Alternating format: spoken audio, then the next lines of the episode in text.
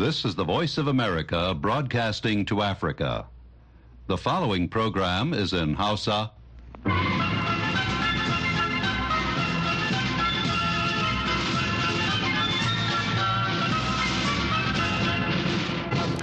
Sashen Hausa na muryar Amurka ke magana daga nan birnin Washington DC.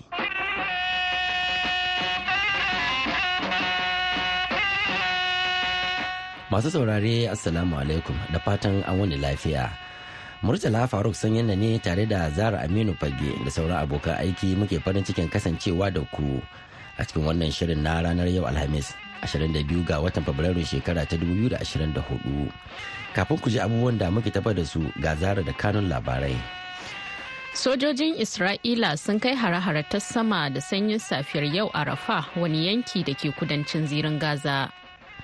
Hukumomin tsaron teku sun ce sun samu rahotannin harin makami mai linzami kan wani jirgin dakon kaya da ke a mashigar tekun adin na ƙasar Yemen.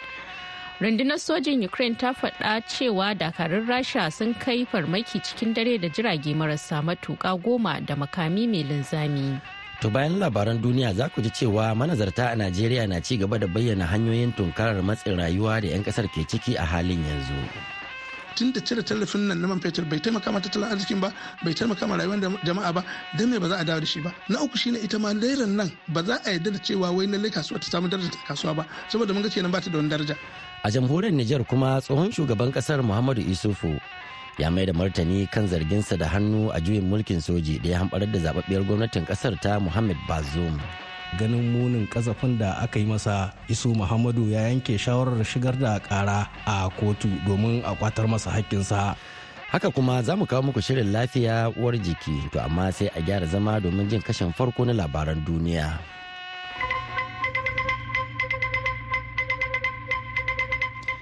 Masu sauraron mu assalamu alaikum barkanmu da wannan lokaci. Sojojin Isra'ila sun kai hare-hare ta sama da sanyin safiyar yau Alhamis a Rafa wani yanki da ke kudancin zirin Gaza wanda ƙasashen duniya suka fi mai da hankali kan kare lafiyar fararen hula Falasdinawa. Hukumar ba da agaji ta Majalisar Ɗinkin Duniya da ke kula da 'yan gudun hijirar Falasdinu ta faɗa a jiya Laraba cewa ƙaruwar hare-haren sama a Rafa suna ƙara fargaba. Kuma za su ƙara kawo cikas ga ayyukan jin ƙai a yankin da ke da kusan mutane miliyan ɗaya da rabi. ma'aikatar lafiya ta hamas a gaza ta faɗa a yau alhamis cewa kusan mutum ɗari ne sojojin isra'ila suka kashe a duk faɗin zirin gaza a yinin da ya gabata wanda ya kawo jimillar mutanen da aka kashe zuwa 29,410 rundunar sojin isra'ila ta faɗa a yau alhamis cewa dakarunta sun kai farmaki a yankin zaitun na birnin gaza da ke arewacin yankin da kuma yammacin khan yunis da ke kudancin gaza. Hukumomin tsaron teku sun ce a yau alhamis sun samu rahotannin harin makami mai linzami kan wani jirgin ruwan dakon kaya a mashigar tekun aden. Hukumar kula da harkokin kasuwanci ta ruwa ta birtaniya ta ce an harba makamai masu linzami guda biyu a kan jirgin lamarin da ya sanadiyar tashin gobara a cikinsa.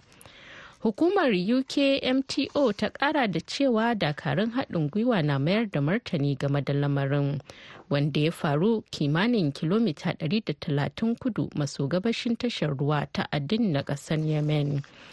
Wani kamfanin tsaron ruwa na birtaniya mai suna ambre ya bayyana jirgin a matsayin jirgin dakon kaya mai ɗauke da tutar ƙasar palau mallakin birtaniya.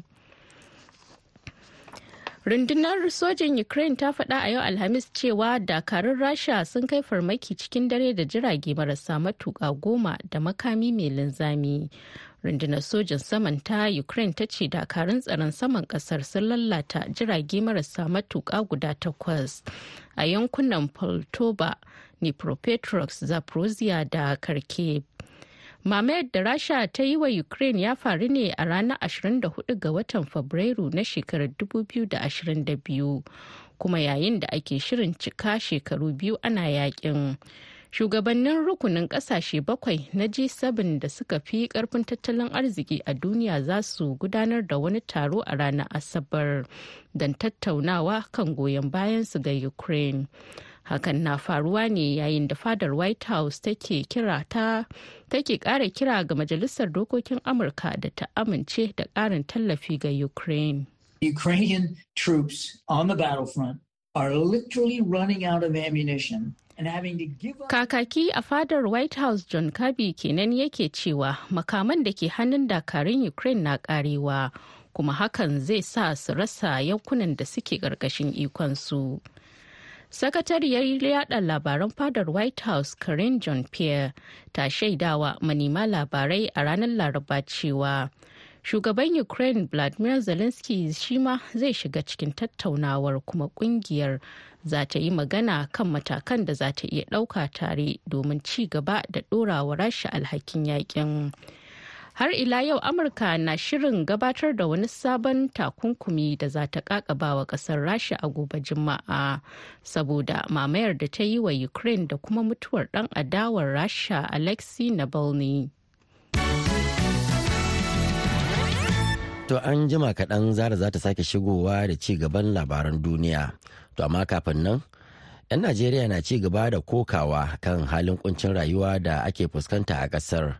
inda ta kai ga soma faɗaɗa zanga-zangar lumana a yankuna daban-daban wannan ne ya sa manazarta ci gaba da yin kashedi kan abubuwan da kan iya faruwa tare kuma da ba da shawarwarin hanyoyin tunkarar wannan yanayi daga kaduna ga rahoton isa lawal ikara ko bayan zanga-zangar ɗaiɗaikun mutane akan tsadar rayuwar da aka fara gani a wasu jihohin Najeriya ita kanta ƙungiyar kwadago a Najeriya ta ce za ta yi zanga-zanga a kungiyance saboda halin kuncin rayuwar da ma'aikatanta ke ciki. Ganin yadda aka fara zanga-zangar a wasu jihohin Najeriya kuma ya sa wasu sun fara fargabar yin juyin juya hali saboda tsadar rayuwa a wannan ƙasa.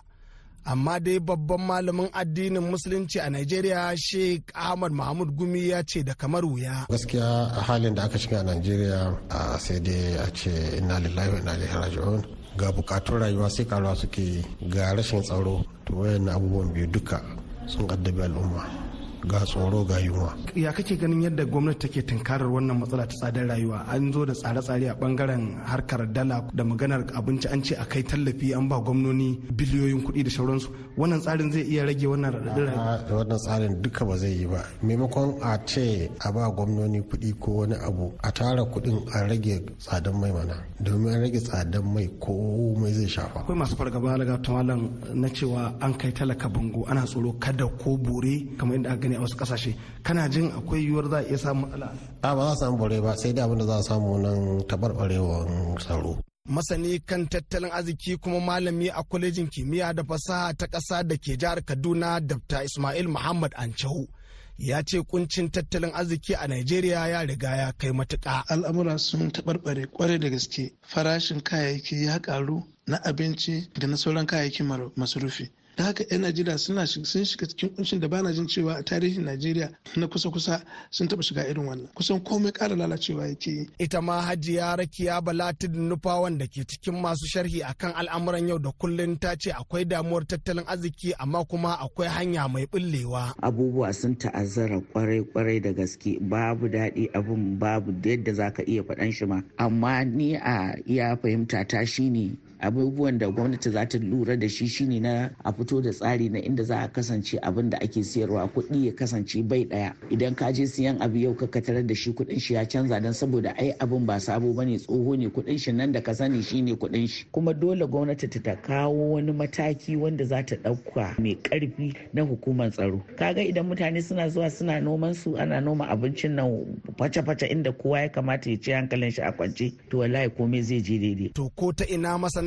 tattalin arziki irin su dabta ismail muhammad ancau ke ganin najeriya za ta fice daga wannan hauhawar farashi da tsadar rayuwa? Na farko tun da cire tallafin nan na man fetur bai taimaka ma tattalin arzikin ba bai taimaka ma rayuwar jama'a ba dan me ba za a dawo da shi ba? Na uku shine ita ma lairan nan ba za a yarda da cewa wai lallai kasuwa ta samu daraja ta kasuwa ba saboda mun ga kenan ba ta da wani daraja. Ta zo kusan dubu biyu yanzu. Sannan na uku ai ƙoƙari ai maganin tsaron nan ta yadda za a ci gaba da noma a sauran wurare a samu ya wadata dan ya samu sauƙi sannan na uku cin hanci da rasha wannan da ake wannan satin kuɗin da ake na fitan hankali a daina shi. Sauran ƙasashen da suka ci gaba za ka je ka haka ba. Ya zuwa yanzu dai zanga-zangar da aka fara a wasu jihohi ta sa wasu gwamnoni da sauran masu mukamai sun fara tallafawa talakawa.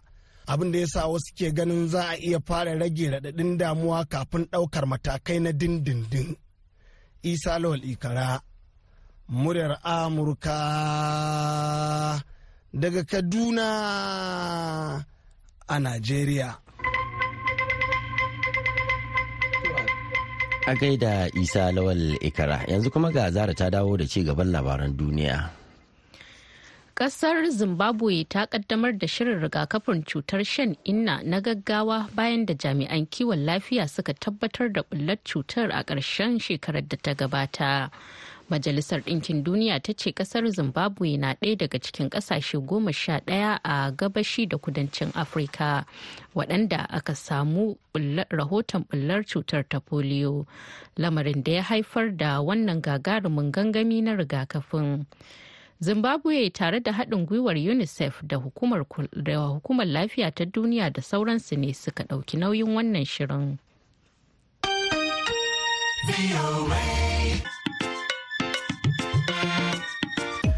Zara aminu fage kenan aka saurara da labaran duniya daga nan sashen hausa na muryar amurka a washington dc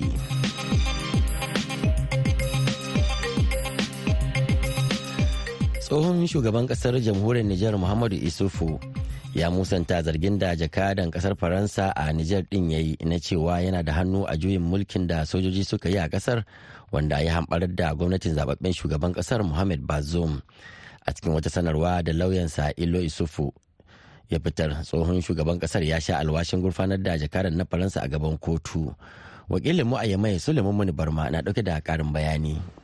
A wata rubutacciyar sanarwar da aka aike wa manema labarai, lauyan da ke kare tsohon shugaban kasa Isu Muhammadu wato Metr Illo Isufu ya fara ne da mai da martani kan bayanan bahasin da jakada Sylvain Ite ya gabatar a yayin zaman sirrin da kwamitin tsaron majalisar dokokin Faransa ya yi kan abubuwan da ya sani game da juyin mulkin 26 ga watan Yulin 2023.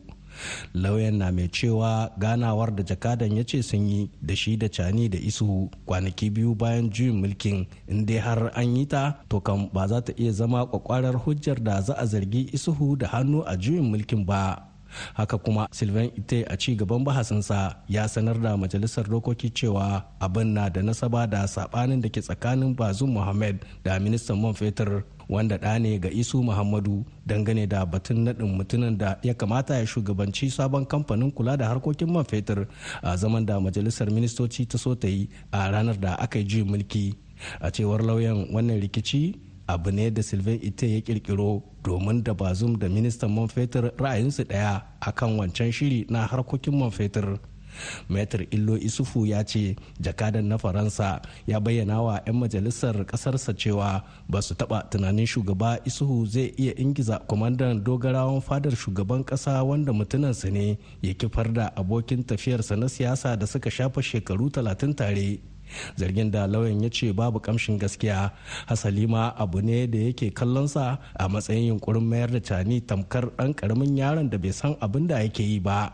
Bayan da ya musanta dukkan zarge-zargen da suka fito a bahasin na jakada sylvain ite metar illo isufu ya sake nanata cewa babu hannun tsohon shugaban ƙasar a juyin mulkin da soja suka yi wa shugaba muhammad bazum ganin munin kasafin da aka yi masa. Isu muhammadu ya yanke shawarar shigar da kara a kotu domin a kwatar masa hakkinsa. Dama dai tun a washe garin juyin mulkin 26 ga watan yulin 2023 wasu 'yan nijar musamman magoya bayan hamɓararren shugaban ƙasa ke zargin isu muhammadu da hannu a wannan al'amari a bisa wasu hujjojin da suke cewa sun dogara a kansu. Sule mummuni barma muryar amurka daga yamai a jamhuriyar nijar. A da sule mummuni barma To a cikin shirinmu na dare za mu kawo muku martanin masana kan kiraye-kirayen da wasu 'yan Najeriya ke yi na juyin mulkin soji sakamakon matsin rayuwa da suke fuskanta. To tasirin kiransu zai zama cewa a gane cewa mutane a matsa suke, mutane a cikin kunci suke. Ba zan ce na fito ina ɗaure gindin cewa a zuwa a canza gwamnati ko a ɓarar da gwamnati ba amma na fito ina gaya gwamnati cewa ta yi hankali cewa ba a iya tafiyar da gwamnati a cikin kunci da talauci da irin wannan tashin hankali da suke yi. To sai a kasance tare da mu da ƙarfe tara da rabi na dare agogon Najeriya da Nijar wato ƙarfe takwas da rabi kenan agogon GMT da Ghana. Kuma kada manta wannan shirin na zuwa muku ne daga nan birnin Washington DC akan mitoci goma sha shida da ashirin da biyar da kuma talatin da ɗaya. A jamhuriyar Nijar kuma za a iya sauraron mu a tashar mu ta VOA Africa akan mita ɗari da biyu da ɗigo biyar. baya ga haka a koda yaushe ake so za a iya zuwa shafukanmu na intanet a voahausa.com ko kuma sashen hausa.com yanzu kuma ga shirinmu na gaba. Jama'a masu sauraron mu barkanku da warhaka, barkanku da sake kasancewa tare da mu a cikin wani sabon shirin lafiya uwar jiki tare da ni Hauwa Umar. Shirin lafiya uwar jiki na wannan mako zai yi magana ne akan sore throat wato ciwon makogaro ko kuma makoshi a Hausance, kuma ciwo ne da ke zuwa da zafi da bushewar makogaro musamman idan za a haɗiye abu kuma ƙwayoyin cuta ne ke haddasa shi.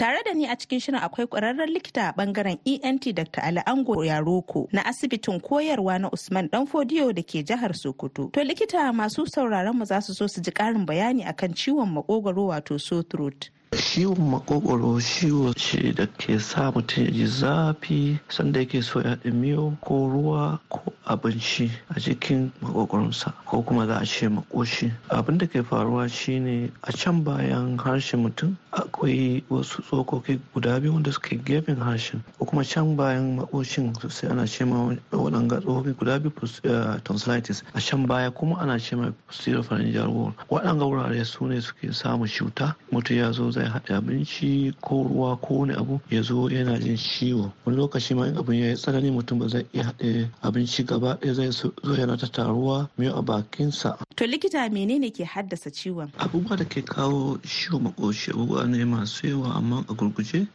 muna iya mu ba su akan kwayan cuta da ake ce ma viruses sana iya samu viral infection na iya kawo ciwo makoshi ko kuma kwayan cuta da ake ce masu bacteria akwai bacteria especially wanda ake ce ma beta multistreptococci ko kuma ana iya samu ta fannin sankara. Kan sashe kwayan cutan da aka shi viruses su ciwo makoshin bai iya dadewa kamar dan kwana ɗaya zuwa uku. Ciwo yana iya warke ko da ba a sha wani magani mai yawa ba haka. Ciwon kuma wanda ya zo ta fannin bacteria in bacteria ne wannan mugun bacteria da ake shi beta hemolytic streptococci in ya zo farko in ba a samu aka iya ba da magani ko aka gan kwararren likita ta wannan fannin abu yana iya sake faruwa. Ya ci gaba da faruwa haka kai akai ana iya ce mai za a kire shi a turance recurrent tonsillitis. Shi recurrent tonsillitis abin da ke nufi shine in mutum kamar ya samu ciwo makoshi sau bakwai a shekara ko kuma sau biyar a shekara cikin shekaru biyu da suka bi junansu ko sau uku a shekara cikin shekarun uku da suka bi junansu.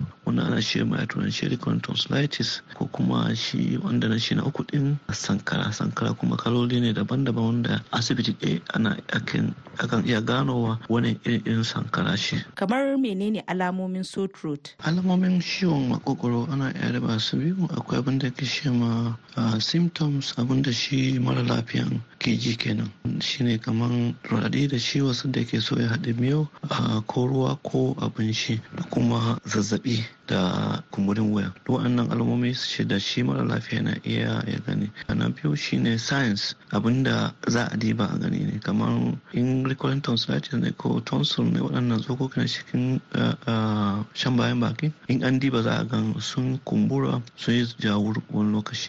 Wani lokaci kuma wani abu farare haka suna iya su rufe ga sun yi kumburi kuma akwai farare. Wasu lokuta kuma ba za su yi magirma nan kanana amma suna kawo matsala sosai. Ciwo mutum ba zai iya haɗa abinci ba. Kumburin wuyan kuma in an taɓa akan shin ciwo in an matsa haka an latsa zaga mutum na jin ciwo. Shin ciwon makogwaro ya kasu kashi nawa ne? Ciwon makogwaro a gurguje dai an kasa shi kashi uku. Akwai wanda kwayan cutar bacteria ne ya kawo ko kuma wanda kwayan virus ya kawo ko kuma a wanda sankara ne kansa kenan ya kawo. To likita wanne ya fi tsanani? Wanda kwayan cutar bacteria ya kawo da kuma wanda kansa ne sankara ne ya kawo su fi zama tsanani wanda gaskiya cikin ko waɗannan biyu ɗin ma kansa zai fi zama tsanani saboda shi ko da an sha magani za a gan dama ka amma dai shi yana nan yana shi so ina ganin shi ya fi zama tsanani To suwaye masu kafi cin karo da ciwon makogwaro? Ciwon makogwaro ya fi kamuwa yara saboda garkuwar jikinsu bai da ƙarfi sai kamar manya. Na biyu kuma waɗanda garkuwar jikinsu ya zama kararru kamar mutane wanda suke da ciwon amzama ina nufin HIV ko kuma wanda yake akan wasu magunguna kamar magunguna na sankara cancer drugs kenan ko kuma wanda yake akan magunguna kamar waɗanda ake ce ma steroids da ake sha wannan duka za su karya garkuwar jiki ko kuma mutum na da rashin lafiya irin ko ciwon suga shi ma yakan karya garkuwar jiki saboda haka waɗannan abubuwa duka suna iya su kawo ciwon makokoro. To likita ya zaka kwatanta tsananin cutan musamman ma idan har ba a ɗauki matakin da ya dace a kuma lokacin da ya dace ba. A gaskiya in ba a ɗauki mataki da ya dace kuma lokacin da ya dace za a sa matsaloli sosai. In wannan ciwon makokoro saboda kwayan cuta ne bacteria muddin ma bacteria ke shi beta hemolytic streptococci akan samu illoli kamar haka. A waɗanda kwayan cuta wani lokaci in sun samu suka shiga jini sukan so su je wurin jishiya ko oda ko kuma gwiwowi. In sun je wurin jishiya sukan kawo abin da ake ce ma a turance rheumatic valvular heart disease wannan babban matsala ce. Ko kuma in sun je wurin oda za iya su jawo abin da ake ce ma acute glomerulonephritis wanda yana iya ya kai ga renal failure a mutuwan oda kenan gaba ɗaya. Kin ga waɗannan abubuwa guda biyu manyan manyan matsaloli ne. Kin ga abin da na ke gaya wa mutane sau da yawa cewa kada a yadda ƙaramin abin ya zo ya jawo mutum babban matsala. Kin ga in abun kaman ciwon zuciya ne wannan aiki da ake buƙata shine dole na a buɗe zuciya a aiki kuma ba ko da yaushe akan samu nasara ba. Ko kuma in ya taɓi oda magungunan hanya biyu ne. Na ɗaya ko a je a yi dashi dashin kuma yana da nasa illoli da yawa kuma wannan kuɗi masu yawa ne. In an samu wanda zai ba da na ta ko nashi a oda ko kuma mutum ya zauna ana wanke mai jini har tsawon rayuwarsa. Kowane wanke kuma akwai tsada kowane sati. So babban illoli na sun je wurin gwiwowi kuma yana iya kawo abin da ke ce ma rheumatoid arthritis. Shi kuma gwiwoyi za su ta ciwo ko da yaushe za a sha magunguna daban-daban a dai a dan samu sauƙi kaɗan amma dai ba warkewa zai gaba ɗaya ba. Kuma in ya kasance sankara ce kansa. Wannan mutum ya zo asibiti cikin lokaci ana iya gano menene a yi aiki a yi gashi ko kuma a yi aiki a ba da magani da ake shi ma chemotherapy kuma aikin nan ba wani babban aiki ne abin da ake shi ma tonsillectomy ne tonsillectomy da ƙaramin aiki ne da aka yi ta cikin baki ɗebe waɗannan cikin makoshin. To yaya za a kwatanta yawan masu fama da ciwon makogwaro musamman ma a nan Najeriya? A gaskiya babu wani bincike wanda ya nuna yawan masu wannan matsala ta ciwon makoshi a Najeriya gaba ɗaya. Akwai dai bincike nan kaɗan kaɗan wasu wurare amma dai wanda zai nuna ga yawan su amma dai abin da zan shaida maka jiya shine a ciwon makokoro yana nan da yawa ya addabi mutane cikin al'ummarmu. Ba za a kida gida uku zuwa huɗu ba samu mutum ɗaya wanda yake da wannan ciwon makoshi a na yi bincike shekarun baya na gano abin da ke sa mutane ba su saurayi zuwa asibiti cikin lokaci. Na farko da akwai abin da ke cewa misconception sun ba da suna da mugun fahimta game da waɗanga matsaloli wanda suka shahi makokoro wuya da ma kunne da hanci gaba ɗaya. Duk waɗanga abubuwan haɗa su gaba ɗaya in ba su suna guda ɗaya shine ciwon daji. Kuma a zo ana ta shan maganin ciwon daji. Abin da na gano shine wannan maganin na ciwon daji yana da ciki ne wani ɗan sinadari da ke rage kumburi da raɗaɗi da ciwo. Saboda haka in an sha mutum ya sha zai samu ɗan sauƙi kaɗan. Amma matsala na nan yana ci gaba da girma yana ci gaba da girma yana shanyewa. Na biyu kuma akwai illan na su chemist chemist da pharmacies wanda suke mutum zai zai take ɗauko tsaye haka ba tare da wani takardar shaidan likita cewa ga irin magani da za a basa da ya zo kawai zai ce makoshi yana ciwo. Ko shi da kai ne ya faɗi abin da yake so ko kuma a kemis din su ba da magani ka su miƙe su ba shi magani. Wannan kuma a ƙasashe da yawa ba a yin haka. Na uku shine ma'aikatan lafiya. Kuma nan mutanen mu da yawa so da yawa sun ɗauki cewa duk wanda ke shiga asibiti na hitowa ma'aikacin likita shi. A'a asibiti na da ma'aikata daban-daban. A likitocin ma'aikatan lafiyan masu ma daban-daban suke. Likitocin masu masu kware wurare daban-daban. Ba kowane likita ne an likitan makoshi. Akwai likitoci na fannin mata akwai na fannoni daban-daban. Saboda haka ya kamata a an gan likita wanda ya dace lokacin da ya dace. So matsala da muke samu nan shine kowane ne ma aka tambaya zai rubuta a makoshi na ciwo ke to ba wani abu ne ba makoshi ba ciwo makoshi ne ba. Ga maganin antibiotic a sha ko kuma maganin kashe ciwo kamar analgesic kenan a sha. Wannan ba shine magani ba. Wannan kawai dan kwantar da abun abu ne shi da girma. Illa na huɗu shine lokacin da mara lafiya suka iso asibiti. Yawan mutanen mu suna son gaggawa ba su da haƙurin kuma. In an zo likita dama mutum ya zo akan diba shi a bashi magani kuma ba su ci wasu binkishe. A shi jiya dawa bayan sati biyu ko sati uku. So da yawa in sun tafi ba su dawa in ba su samu sauƙi ba su ce to mun je asibiti gashi abin mun sha magani mun yi kaza mun yi kaza amma ha yanzu shi wannan bai tafi. Lallai sun tabbatar da shi wannan daji na su shi gaba da can magunan ciwon dajin nan ko da za su asibiti abin ya riga ya wuce wuri. So sadda wasu za su zo da abin ya yi tsanani din an turo sun kawo ga kwararrun ta wannan fannin likitocin makoshi da hanci sauransu. Za a kwanta da su za a da da yawa. Abin da na gano ɗigo 60 bisa ga ɗari da suke zuwa ba wai ba su suke son zuwa ba. Tilastawa ne yan uwa da dangi suke kawo su saboda me? Saboda ba za su iya zauna da su kuma a gidajen su. Abin ya riga ya fashe wuya ya fashe wuya na ware ba su iya zauna da su za su auko su dole na a kawo su asibiti. Nan ko za su abin da kawai za a yi shi ne abin da ka shema a turanci palliative management. Shi palliative management magani ne ake basuwa na rage radadi a wanke wurin don rage ware haka ne za a ci gaba da dibawa hadimin lokaci in an samu matsala kuma da ƙarshe za su ce to dama mun faɗi ai ko an je asibiti ba lafiya ake samu ba. Saboda haka wannan babban illa ne wanda yake buƙatar wayar da jama'a su gane cewa ciwon asibiti ne. A taho dai asibiti cikin lokaci za a samu magani. Masu sauraron mu kada ku sha'afa shirin lafiya uwar jiki ne ke zuwa muku daga nan sashen Hausa na muryar Amurka kuma duka duka a nan za mu dasa aya a cikin shirin a madadin dukkan abokan aiki da suka taimaka don ganin shirin ya zo muku sai kuma likitan da muka kasance tare da shi a cikin shirin ni Hauwa Umar da na shirya na gabatar nake cewa mu huta lafiya. To a gaida Hauwa Umar da wannan kuma muka zo ga shirinmu na ƙarshe wato labarai a takaici.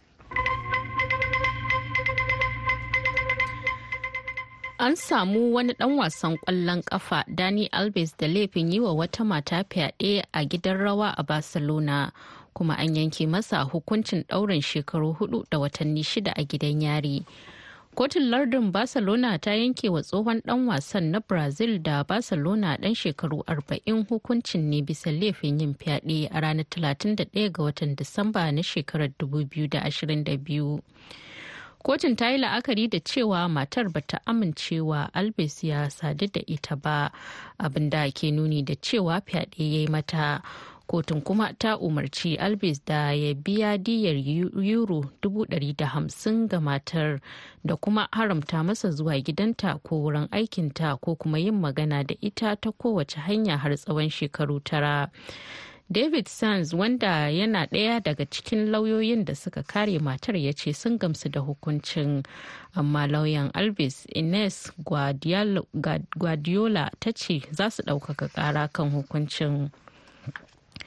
Sojojin isra'ila sun kai hare-hare ta sama da sanyin safiyar yau alhamis a rafa a wani yanki da ke kudancin zirin gaza wanda ƙasashen duniya suka fi mai da hankali a kai a karin kare lafiyar fararen hula falasdinawa hukumar ba da agaji ta majalisar ɗinkin duniya da ke kula da 'yan gudun hijirar falasdinu ta faɗa cewa karuwar hare-haren sama a rafa suna ƙara haifar da fargaba da kuma kuma za ta ƙara kawo cikas ga ayyukan jin ƙai. Hukumomin tsaron teku sun ce a yau Alhamis sun samu rahotannin harin makami mai linzami kan wani jirgin ruwan dakon kaya a mashigar tekun Aden. hukumar kula da harkokin kasuwanci ta ruwa ta birtaniya ta ce an harba makamai masu linzami guda biyu kan jirgin To masu saurare da haka muka kawo ƙarshen wannan shirin sai kuma a dakaci shirinmu na yau da gobe. Sannan idan Allah ya kai mu da dare wato tara da rabi agogon Najeriya da Nijar takwas da rabi kenan agogon GMT da Ghana za a ji mu ɗauke da wani sabon shirin. Yanzu a madadin Zara Aminu Fage wadda ta taya ni gabatar da shirin da kuma Julie Leathers Gresham wadda ta kula da sauti kuma ta ba da umarni da ma injiniyan mu na yanzu. Ni Murtala Faruk Sanyin na ke muku fata alkhairi ma'assalam.